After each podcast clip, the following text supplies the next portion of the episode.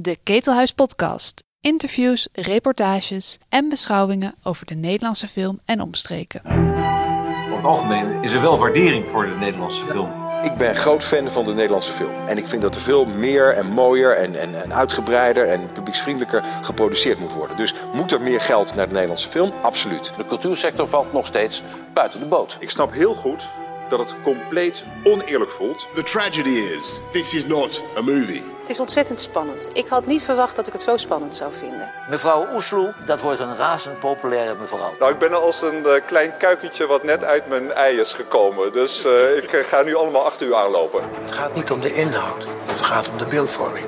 Niet om gelijk hebben, maar om gelijk krijgen. En live in 5, 4, 3...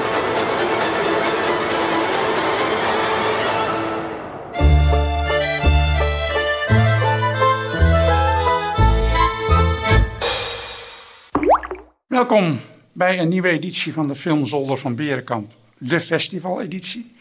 Dat kan, want we zitten weliswaar bijna aan het einde van het International Filmfestival Rotterdam. Maar dat is een uh, kwestie van thuiskijken, dus zitten we gewoon op mijn zolder. Met Miranda van Gelder, programmeur van het Hoogt. Ja, goedemiddag. Goedemiddag. Of Hoogt on Tour, hoe we nu eindelijk heten. Ja, het Tour, want het Hoogt bestaat even niet, maar bestaat ook weer virtueel op verschillende locaties. Ja, de ideologie is er nog. En het is weer open. International Film Festival Rotterdam gaan we het vandaag over hebben. Uh, een editie die uh, alleen uh, online bestaat. Dat klopt, helaas. En we gaan het in het bijzonder hebben over de Nederlandse films. En ook een beetje in het verleden van de Nederlandse films in Rotterdam. Ja, ik vind het een heel rare ervaring, zo'n festival thuis. Ja, precies dat. Hoe doe jij dat? Um, nou, ik doe het. Dus ik heb thuis een televisie en een laptop en dan uh, kijk ik heel veel films. Maar ik word er niet blij van. Ik merk altijd de eerste dag, denk ik, oh, nu kan je heel veel films achter elkaar kijken, want je hoeft niet heen en weer te lopen uh, naar Cinerama of naar Lantaarn Venster, waar toch weer tijd in gaat zitten. En dan na die eerste dag, dan stort ik een beetje in en dan denk ik echt, dit is, de, de show is er wel een beetje af. Dus het is heel fijn dat je de films kan zien, maar de sfeer van Rotterdam is zo belangrijk voor het festival. Dat, ja.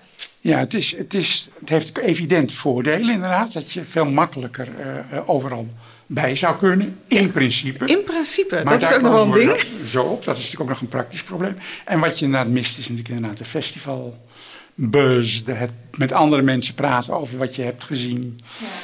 Dan moet ik zeggen dat ik dat vaak een beetje overschat vind. Hoor. Dat gaat uiteindelijk toch om de films die je ziet en niet om het uh, gepraat eromheen. Maar...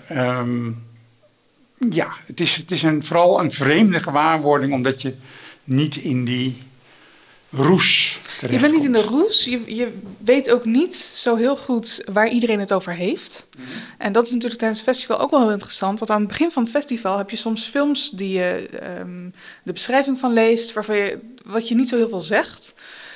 En dat dan halverwege het festival je doorhebt dat dat echt de film is die je moet zien, omdat iedereen het daarover heeft. En dat mis je nu ook wel. Er is wel wat en ik praat ook met wat mensen erover, maar echt de, uh, de spannende uh, films waarbij je in de zaal zit en de hele zaal leeft, dat, ja, dat heb je gewoon niet. En dat is wel en, heel zonde. En de buzz.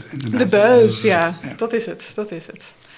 Nou speelt er nog een ander probleem in, uh, bij dit festival, is dat er allerlei films niet uh, wel online staan, maar niet toegankelijk zijn. We hebben dan een accreditatie als uh, Press and Industry. Ja, inderdaad. Ik weet niet of dat nog weer anders werkt als je losse kaartjes moet kopen. Ja, het ding is natuurlijk nu dat ze een onderdeel hebben wat voor Press and Industry dan wel beschikbaar is, maar voor de, uh, nou ja, eigenlijk de normale bezoeker niet. Ja, en omgekeerd. Uh, en omgekeerd ook. En vooral die tweede, dat, dat duurde even bij mij voordat ik dat door had. Een paar films uh, die je dan niet bij de Press and Industry kan zien, kan je wel als Nederlander, als je in Nederland zit, op de website bekijken. Mm -hmm. Want dat is natuurlijk het hele geoblocking ding van de website. Volgens mij kan je nu alleen naar het IVVR online als normale bezoeker als je in Nederland je internetaansluiting hebt. Um, dus als je een Nederlands IP-adres hebt, nu kan je daar omheen natuurlijk met een VPN'tje, maar volgens mij is dat niet de bedoeling. Uh, dus ja, het is nogal beperkt en je moet echt goed zoeken. Nou dacht ik bijvoorbeeld uh, toen ik hoorde, want dat werd uh, dat hebben we net gehad, de bekendmaking van de prijzen. Dacht ik, ik ga naar de Tiger-winnaar, EAMI, kijken. En dan krijg ik weer een melding, ja, u moet uh, eerst toestemming vragen of u deze film wel mag zien. Ja, nou dat is dit jaar sowieso helemaal uh, vreemd natuurlijk. Dat die Tiger-nominaties helemaal niet online te zien zijn voor de normale bezoeker. Dus voor het normale publiek zijn die films er niet. Um, je hebt een lijstje van de, van de nominaties en dat is het. Uh, je hebt nu ook een winnaar van de nominaties, maar die kan je ook nog niet kijken. Uh, en als Press Industry zit er ook nog inderdaad een, uh, een, extra beveiliging op, waardoor je even moet aanvragen of je hem wel mag zien of niet. dus ik heb hem ook nog niet gezien. ik heb hem wel aangevraagd. ik hoop hem zo snel mogelijk te zien, maar ja, ik ben heel benieuwd. En het is wel heel vreemd dat het hele awards onderdeel van het festival eigenlijk wegvalt door online te gaan. Ja, en bijvoorbeeld, uh, ik dacht we gaan het hebben over uh, een, de Nederlandse film in de Tiger-competitie. Ja, met, met Mes van Sam de Jong. En die is zelfs helemaal niet te zien. Nee. Nog voor het publiek, nog voor press industry. Dus ik vrees dat de enige mensen die die film gezien hebben, de juryleden van de Tiger Awards zijn. Ik ben bang van ook, ja. En dat is op zich. Uh, kijk, het zijn rare jaren. Maar uh, deze stond wel ergens bovenaan mijn lijstje.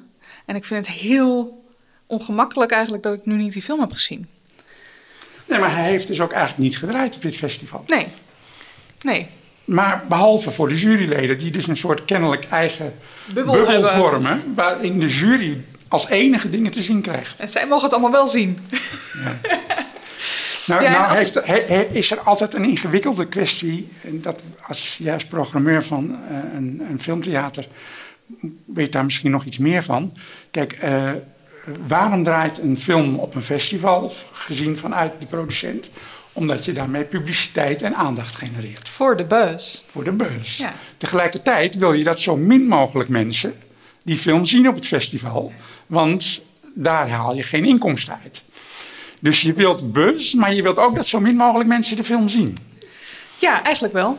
En dat is natuurlijk een hele rare, helemaal afgezien van corona en virtualiteit, is dat altijd een probleem geweest. Met name dan bij de Nederlandse films. Hè, dat het heel belangrijk is voor een Nederlandse film om in Rotterdam eh, Te in première te gaan. Maar niet te veel mensen mogen er naar kijken, want dat eh, is slecht voor de distributie en de producenten en de filmtheaters. Ja, het is in dat opzicht misschien ook vaak een marketingtool. Ja, maar een hele loze marketingtool. Want hoe kun je een marketingbedrijf als je zo min mogelijk mensen de film wil laten zien? Ja, maar dat gaat om tijdstip. Dus je wilt hem niet. eh, je wil niet dat iedereen de film al heeft gezien op een festival, dat hij elke dag draait en uitverkocht is. Je wil dat die mensen later naar de bioscoop gaan. Dus dat ze het hier al horen, dat er een buzz gecreëerd wordt. En dan later wel dat iedereen dan naar de bioscoop gaat. Maar dat is inderdaad wat jij zegt, er zit een soort van loze belofte in eigenlijk. Ja, kijk, en, en, en je zal dan op zijn minst toch voor moeten zorgen dat de pers de film te zien krijgt. Ja, dat snap ik ook niet helemaal.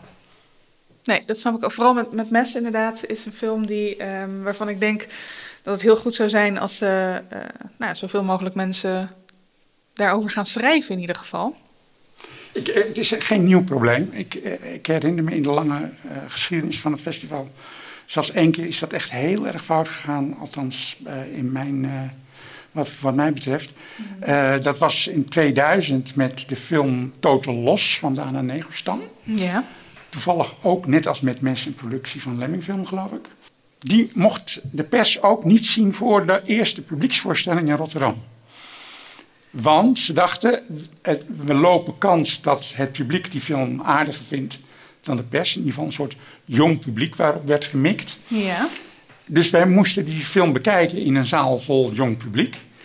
En eh, er was al heel veel eh, van tevoren, nou, een heel bijzondere film. En dat is echt. eh, en het viel mij dus verschrikkelijk tegen. Dus ik werd een, had een beetje een pissige recensie. En zei: Ja, nee, maar je laat je beïnvloeden door het feit dat je die film niet mocht zien. Ja, is Ja. dat ook zo? Ja, natuurlijk speelt dat dan toch wel een rol. Ja, kan ik me ook wel voorstellen, ja. Zeker als het dan tegenvalt. Nou ja, het is natuurlijk ook zo dat hoe langer je een film niet mag zien eigenlijk, Mhm. door dit eromheen te creëren, wil ik hem ook nog liever zien. Als ik in het begin eh, met Mes had gezegd, oh hier kan je meteen kijken, dan had ik er niet zoveel over nagedacht als dat ik nu had gedaan. Dus in dat opzicht doen ze het wel weer goed. Ja, maar als, het dan, als het, de verwachtingen heel hoog zijn. Ja, en de film valt uiteindelijk tegen. Dan hebben we wel een probleem. Dat klopt. Dan, is, dan is zonde van je tijd, noemen we dat dan. En dan is er nog een ander probleem met Nederlandse films in Rotterdam. Dat is dat eh, traditioneel. ehm Huub Bals, de oprichter van het festival, die had niet zoveel met Nederlandse films. Daar hebben we het in een vorige podcast over gehad. En wat er dan wel vaak doorheen kwam, dat waren dingen die een beetje te maken hadden met ofwel Rotterdam, ofwel met tegencultuur. Liefst Ja, allebei. Ik heb eens even mijn, eh, mijn catalogie, want die heb ik ook nog wel liggen. Niet op mijn zolder, maar wel beneden. En ehm, dat zijn er ook niet zoveel, denk ik. Ehm, en ik heb daar eens in gekeken en ik zat te kijken naar de Nederlandse films die hebben gedraaid afgelopen, nou wat is het, eh 15 jaar. En je moet of een soort van artistieke grondslag hebben die je niet zo vaak eh groots in de bioscopen ziet. Of je moet iets met Rotterdam hebben. Ja. En dat, eh, dat zie je er wel heel erg in terug. En dat is natuurlijk ook het eh, Rotterdam-programma wat ze elk jaar hebben. Ehm, ik ben er ook wel heel erg voor. Ik vind het heel erg leuk dat een eh, festival als het Rotterdam Film Festival ook zijn eigen makers viert in dat opzicht. En het is ook, ik weet niet of je wel eens op de Rotterdam Dag bent geweest, in Lantaarn Venster bijvoorbeeld. Het is gewoon echt een feest.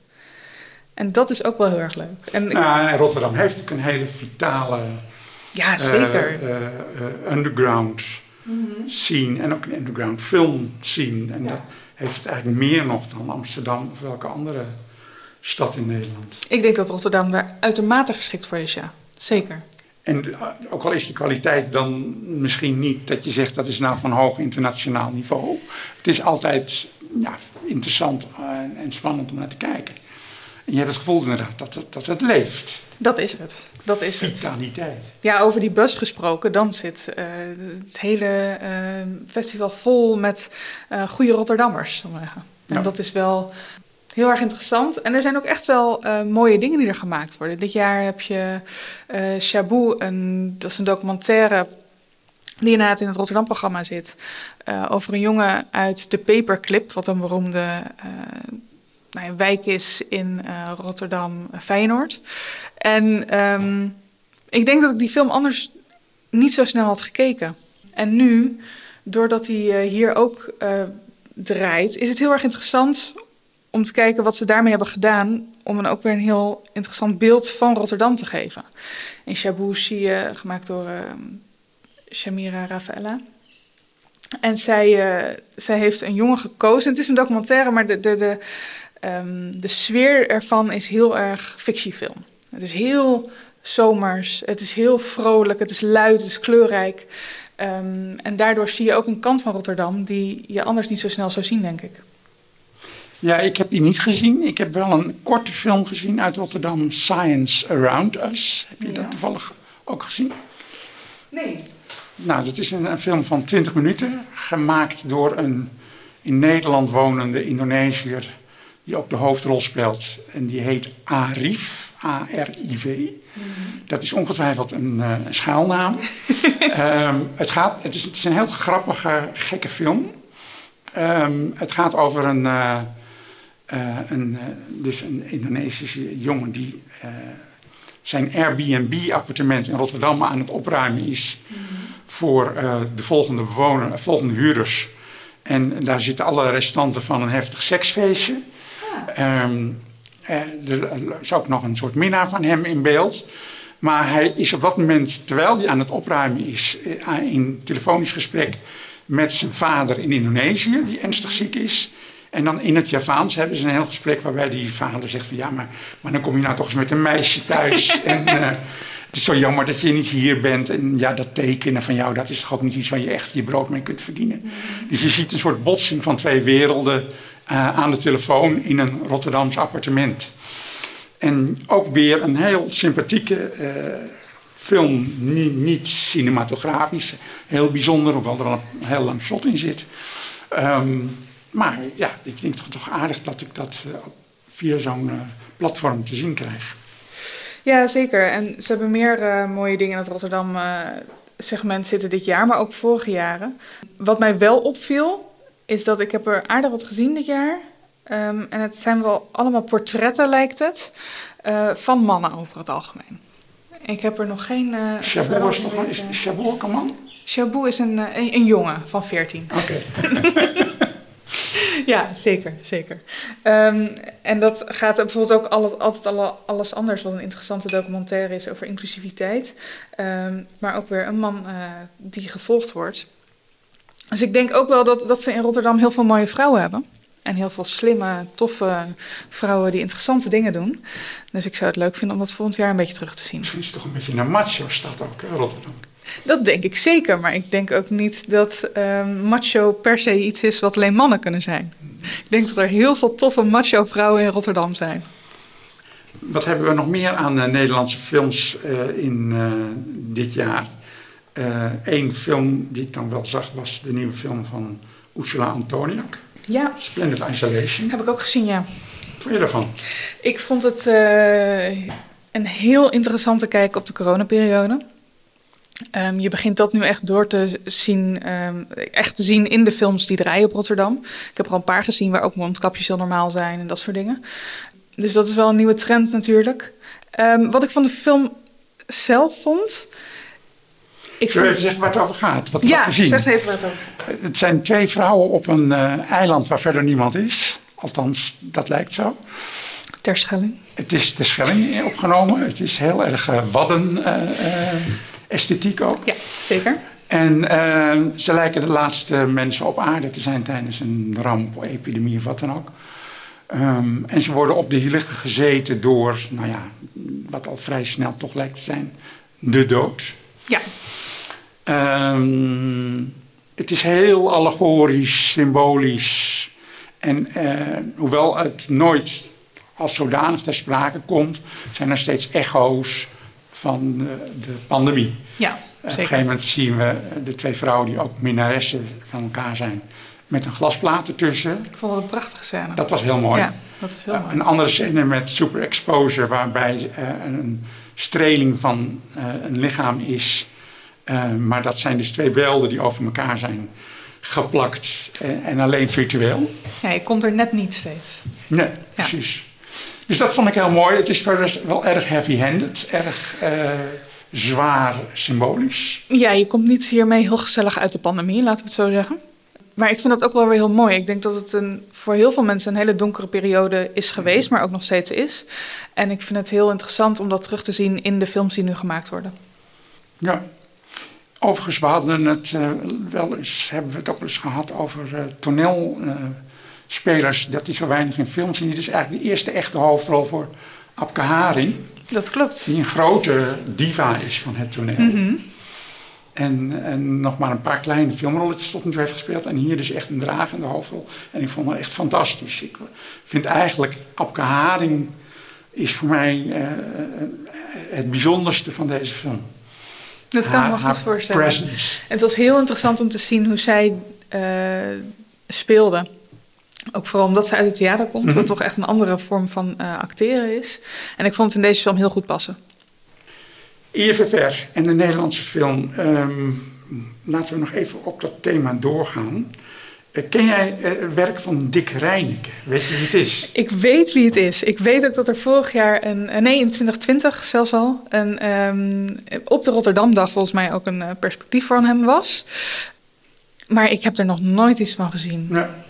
Zeg ik schoorvoetend. Vanaf praktisch het begin van het festival was hij de in-house local hero. Mm -hmm. uh, samen met zijn vrouw Mildred van Leeuwarden maakten ze films aanvankelijk uh, op de rand van de documentaire. Uh, de eerste film die geloof ik draaide was Pinkel. Van een Rotterdamse ja, bunker, zeg maar. -hmm. Die dan huisvader werd, toch? Ik heb ja, wel een beetje, precies, een beetje meer ingelezen. Ja, maar... Dat was een soort terugkerend thema bij die films van Dick Reineke. Het ging altijd over tegencultuur die ingekapseld wordt. -hmm.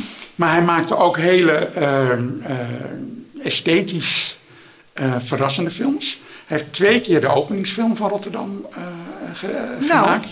Wat dat wel. vrij uniek is. Zeker, zeker. Eén was een film Voronova, een soort fantasiefilm in een soort ja, symbolistisch landschap ook weer.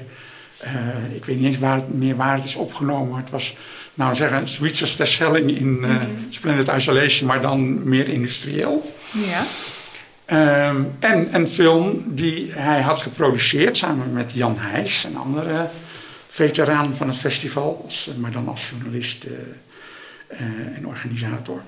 En dat was City Life, waarbij allerlei regisseurs uit verschillende landen een korte film maakten over hun eigen stad. Ja. En dat waren ook mensen als Jim Jarmusch, Christoph Kieslowski, echt grote namen. En uh, uh, Dick en Mildred hadden dan ook een van die films gemaakt. Over dat, Rotterdam ook. Ook in Rotterdam. En dat was dan de openingsfilm City Life. Geproduceerd door uh, Dick Reineke. zijn dochter Ricky, mm -hmm. die kwam al als baby op het festival. En die heeft er ook nog een film gehad. Niet zo heel lang geleden, geloof een jaar of tien geleden. Ja.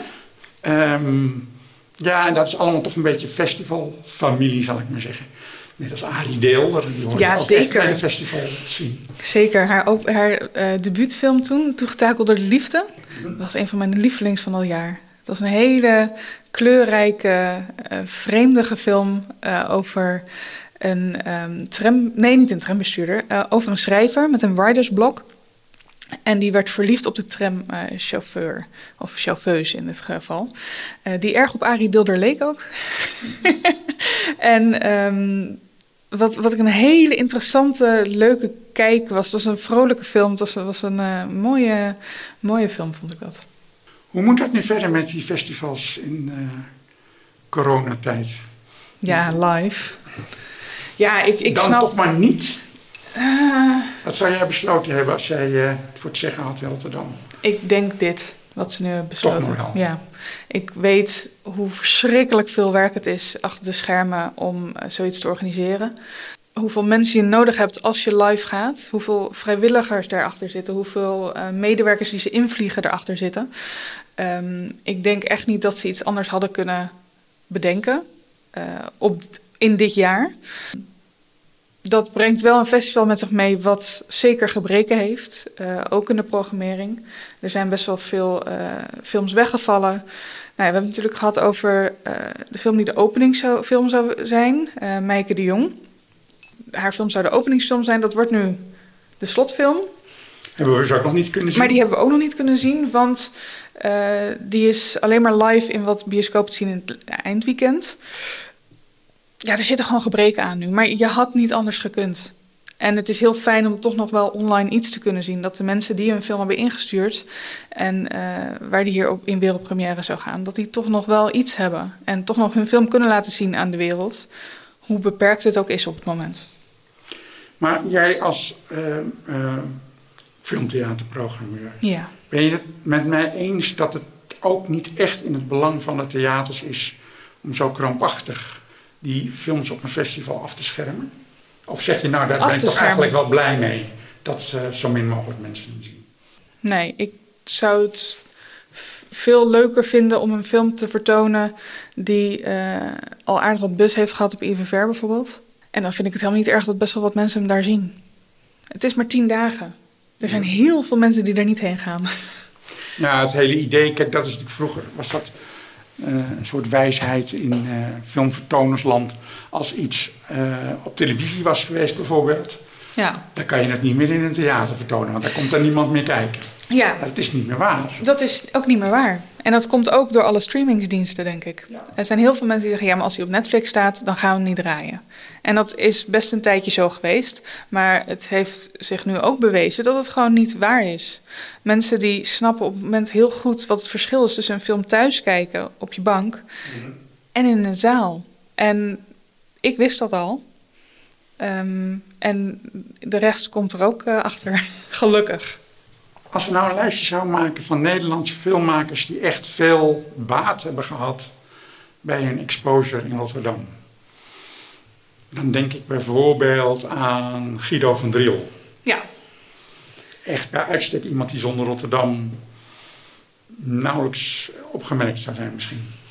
Want uh, de wederopstanding van een klootzak ja, was toen ook de openingsfilm natuurlijk. Ja. En die heeft ook nog de Tiger gewonnen. nominatie gewonnen? Nee, nee, niet gewonnen. Genomineerd was hij. Vroeger waren er drie uh, Ja, ik heb even teruggekeken naar de winnaars van de Tiger Award.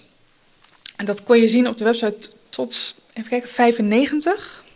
Ehm, en er zat geen enkele Nederlandse film tussen.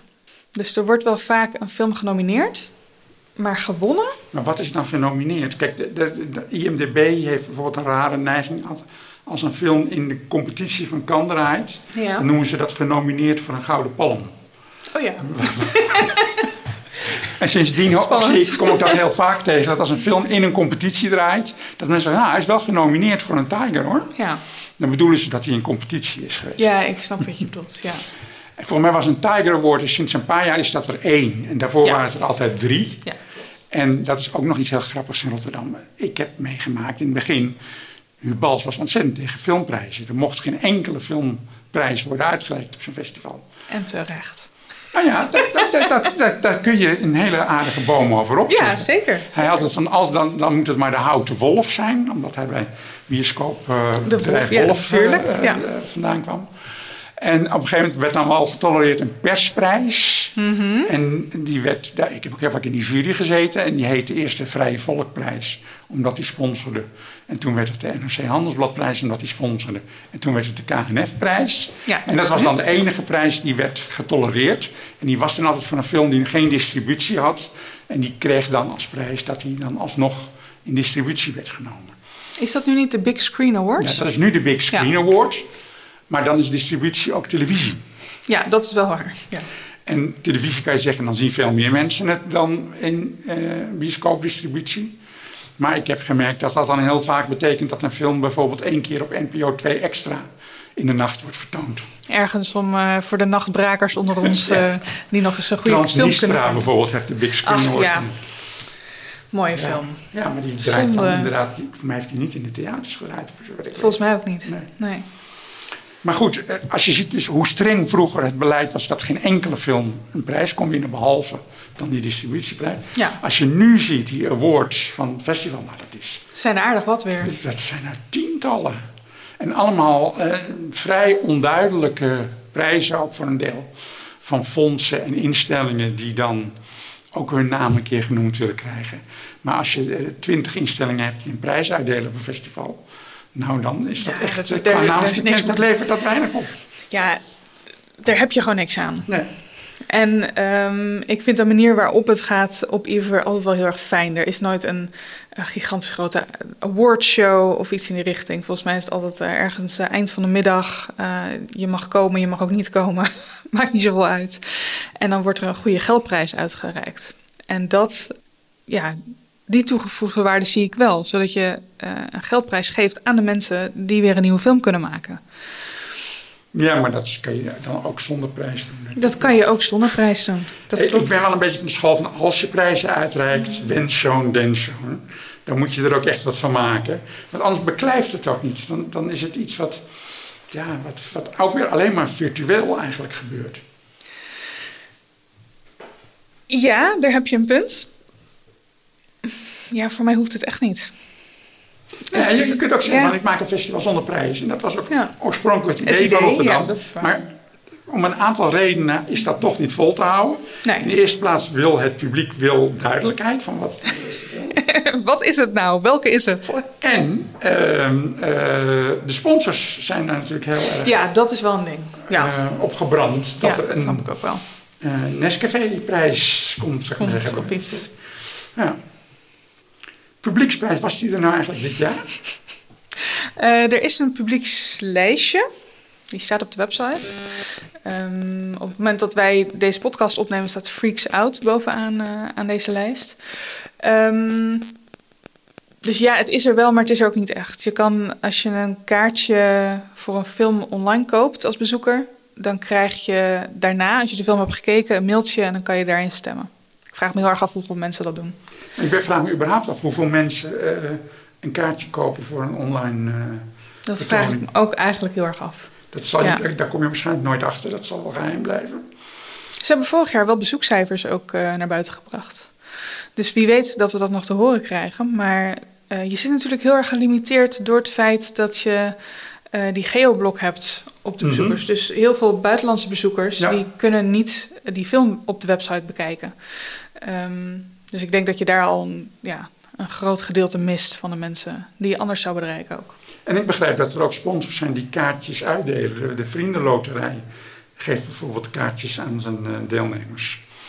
Is dat zo? Die kan je verzilveren, ja. Oh, leuk. Ja, op zich. leuk. Ja. Ja, het, is, het is een, blijft een rare, rare gewaarwording. Zo. Ja, maar die publieksprijs, dat is natuurlijk altijd al een beetje een rare gewaarwording geweest. Want uh, moeten we het nog even over Matterhorn hebben? Nou, bijvoorbeeld, dat kan ook. Dat ook een film die uh, veel aan Rotterdam te danken heeft. In 2013 was de openingsfilm een wederopvatting van een klootzak. Maar won de publieksprijs, uh, werd gewonnen door Matterhorn van Diederik Ebbingen. Die we nu allemaal kennen van uh, Promenade. Een promenade uiteraard. En ook wel wat andere dingen natuurlijk. De luizenmoeder. Mm -hmm. En uh, ik weet nog wel dat we op de volgens mij één na laatste dag zaten van het festival. Of in ieder geval het laatste weekend. En dat hij redelijk bovenaan stond. En dat uh, ik met een groepje mensen zat en dat we dachten... hé, hey, volgens mij gaat... Nee, die kan niet meer winnen. Die heeft geen uh, vertoning meer. En uh, die film die erboven staat, die heeft ook geen vertoning meer. Dus, dus Matterhorn gaat het niet worden dit jaar. En toen won hij hem toch. En toen is er nog een hele discussie over gekomen. Van hoe dat, hoe dat zo is gegaan toen. Dat heb ik niet meegekregen. Niet meegekregen? Nee. Ik, weet niet, ik weet nog steeds niet zeker of Matterhorn nou echt heeft gewonnen. Ik vind het wel heel daar, leuk. Dat, dat daar een beetje heeft. is geschoven met uh, virtuele stemmen. Misschien wel. Hm? Misschien wel. Wat vond je van de film? Het is een hele leuke film. Het is een toegankelijke film. Het is, het is een publiekspleaser, dat is ja. het. Het is heel kneuterig Nederlands. Uh, dus je ziet natuurlijk uh, jonge jenevertjes, je ziet uh, streng geloof, um, maar allemaal met, met een soort van absurdisme wat erin zit. Ja, het is een telefilm, eigenlijk gemaakt voor televisie. Dat klopt. Met een hoofdrol voor Tom Kas, ja. een ander maatje van Diederik Ebbingen. Mm -hmm. En ja, het grappige is, ik vond het ook een hele leuke film hoor. Maar het was totaal in tegenstelling tot het, de opvatting die Huub Bals had over Nederlandse films. Die zei altijd van dat, uh, nou, Alex van Warmerdam noemde die cabaret. Nou, dan zou hij dit al helemaal cabaret hebben gevonden. Dat denk ik zeker, ja. Terwijl bijvoorbeeld de nieuwste film van Alex van Warmerdam, nummer 10, ja, die had, diegene was dan al uh, tijdens het film, Nederlands Filmfestival in première gegaan. Maar die had wat mij betreft zeer goed in Rotterdam gepast. Oh, dat denk ik ook zeker. Dat is echt ja. uh, filmkunst. Ja. Ja, ik denk dat er echt best wel heel veel uh, Nederlandse films ook hebben gedraaid op IVVR afgelopen jaren, waar Hubals wel gewoon heel erg blij mee zou zijn. Um, is natuurlijk altijd met Nederlandse films dat veel mensen denken van ja, we maken niet zoveel mooie dingen in Nederland, maar we hebben er gewoon echt te weinig gezien. En ik snap dat het soms lastig is om ze te vinden, want het wordt ook niet veel gedraaid. En het, of je inderdaad zit weer midden in de nacht op NPO 2. Maar dat on-Nederlands goed, dat, dat is niet zo. Het is Nederlands goed. We hebben echt heel veel mooie films uh, draaien, ook op het IVVR afgelopen jaren. En Anouk Leopold is daar begonnen met dat film. Zeker, dus dat is ja. prachtige films maakte, maakte zij. En um, zo heb je er nog wel een paar. Sterker nog, ik denk dat nu uh, de uh, voormalige directeur van het filmfestival, Bero Beijer, de scepter bij het Nederlands Filmfonds. Uh, de neiging die er toch al wel was bij het Filmfonds om ook marginale dingen qua publieksbereik wel degelijk te ondersteunen, ja. uh, dat die nog verder door zal zetten. En dat is juist de Rotterdam-achtige films mm -hmm. in Nederland altijd gemaakt zijn en ook gemaakt blijven worden. Het probleem in Nederland is meer de tussenfilms. Hè. Je hebt in Nederland je hebt, commerciële films en je hebt totaal niet commerciële films. En daartussen gaat een groot gat. Ja, daartussen is moeilijk iets te vinden. Ja. Dat klopt zeker. Waar zou dat aan liggen, Hans? Weet je dat? Nou ja, kijk, ik, ik denk dat, er, dat in Nederland er heel erg in, in vakjes wordt gedacht. Van een film moet ofwel uh, getest en al met market screenings zijn doelgroep bereiken. Mm -hmm. Ofwel, het is laagpolaar. Uh, ze moeten het in Rotterdam mooi vinden. En, uh, dan is het klaar. Dan is het klaar.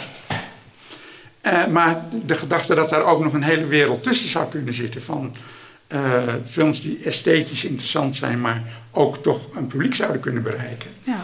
Zoals Toegetakeld door de Liefde. Bijvoorbeeld, of misschien zelfs wel Matterhorn. Ja, zeker. Dat is ook zo. Ja. Uh, en dat is in Nederland altijd natuurlijk een, een, een ingewikkeld uh, uh, gebied geweest. We moeten weten waar we aan toe zijn. Het is het een of het ander. Terwijl het juist leuker is als het en-en wordt. Ja, ik denk dat het heel erg per persoon verschilt. Maar een open einde word ik ook altijd wel blij van. Zoals nummer 10. Zoals, zoals nummer 10. Goed. Um, nou, we, we, we, kijken uit naar de, de films van de, de beide de jongs. Zeker. Geen familie, Sowieso. voor zover ik weet. en uh, hopen dat het volgend jaar het festival weer uh, gewoon zijn loop kan hebben. Ja, dat zeker. En er zijn natuurlijk ook nog wel wat films, Hans, dat is misschien ook nog wel interessant om even over te hebben. Er zijn natuurlijk wat films ook die uh, vorig jaar, maar ook het jaar daarvoor op IFR hebben gedraaid, die we nog helemaal niet in de filmtheaters hebben gezien. En nog steeds op de release-lijst staan. Dat de plank. Brengt natuurlijk ook uh, corona met zich mee. Dat er van alles op de plank ligt wat, um, wat je op IFR hebt kunnen zien, ook zelfs in de zalen. Maar uh, er nog steeds niet is. Dus zitten daar ook Nederlandse films bij? Daar zitten ook Nederlandse films bij. Dat is bijvoorbeeld uh, Feast van Tim Leijer. Oh ja. Ja, van Tim Leijerdekker. Die gaat pas 26 mei van het jaar als het goed is in première in de Nederlandse filmtheaters. Wat vond jij van die film? Heb je hem gezien? Dat, dat, dat vond ik een interessante film. Het is uh, een, een, hele ongemakkelijk stemmende film. En je wordt er ook een beetje opstandig van. Mm -hmm. Van wat zie ik nou toch allemaal? Klopt dit? Uh, klopt dat dit is allemaal echt? wel? Maar ik vond de vorm interessant. Ik moet misschien even zeggen wat het is. Het is een, uh, uh, een film over een, een, een, zaak die zich in Groningen voordeed. Een aantal, um, grotendeels, nee, uit, uitsluitend homoseksuele mannen. Die zich expres hebben laten infecteren met het HIV-virus. Ja. Of HIV. op feestjes. En daar is een hele rechtszaak over gekomen dat dat een poging tot uh, doodslag was. Uh, maar er waren argumenten waarom ze dat deden. En die argumenten, die, dan denk je, nou, die zijn gewoon gek. Uh, maar als je die waarom? film viest ziet, Ja. dan zie je dat ze daar wel degelijk uh, argumenten bij hebben. Dat het ook iets is van, nou ja, er zijn die niet belangrijker dan overleven. En uh, het geeft ook een soort vrijheid als je, um, als je die stap zet. Mm -hmm. Nou, van in ieder geval een, een onverwacht uh, inkijkje in een wereld die ik niet kende en ook dacht niet te begrijpen. En nu een beetje meer begrijp. Wat ik interessant vooral aan de film vind, is de vorm. Dat je namelijk steeds niet weet of je nou naar een documentaire zit te kijken of naar een speelfilm. Ja, ik word daar altijd heel erg blij van. Als het heel erg uh, met die conventies van fictiefilm en non-fictiefilm uh, speelt. En dat was in Feast inderdaad heel erg zo.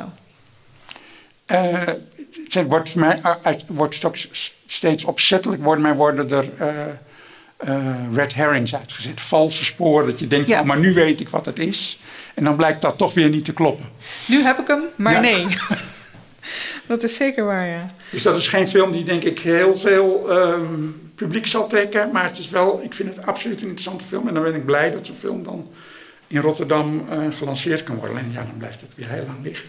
Ja, dat is het. Dus dit is nog een jaar. Maar we hebben ook nog um, uh, Ineke Smits, die Little Man, Time en de Troubadour heeft gemaakt. Die uh, ook dit jaar pas uitkomt, 24 maart. Een documentaire over kunstenaar Lipa Labuska. Uh, die poppentheatervoorstellingen heeft gemaakt. Ik weet niet of je die hebt gezien. Nee, niet gezien. Hele mooie documentaire. Uh, ook artistiek heel interessant, omdat er ook wordt gespeeld nee, natuurlijk met poppen uh, en hoe dat, uh, hoe dat dan gaat. Um, met een soort van plaatselijke bevolking daar. Het speelt zich af in um, Abhazie. Had ik persoonlijk nog nooit van gehoord. Dat is een, een afgescheiden deel van Georgië. Dat zal het zijn. Niet heel vreemd is. En het is een soort van poëtische roadmovie die, um, die heel mooi de kunstenaar laat zien uh, op een plek waar niks te halen valt eigenlijk. Behalve de verhalen van mensen en uh, de verwondering van mensen. Dus ja, Smits heeft meerdere films in Georgië en over Georgische onderwerpen gemaakt. Omdat ze de weduwe is van de Georgische filmer uh, Tato Kortetishvili. Dat klopt Ook een vaste gast in Rotterdam. Ja, het wordt hoogste tijd dat we weer... Dat ze weer live gaan. Dat je ook weer al die mooie mensen kan ontmoeten. Zeker, ja. Tot zover deze Ketelhuis podcast. Je vindt de Ketelhuis podcast in je favoriete podcast app en natuurlijk op onze website ketelhuis.nl/podcast. Abonneer je vooral zodat je geen enkele aflevering mist en leuk als je een reactie achterlaat. Hou ons in de gaten, we zijn snel weer terug met een nieuwe podcast.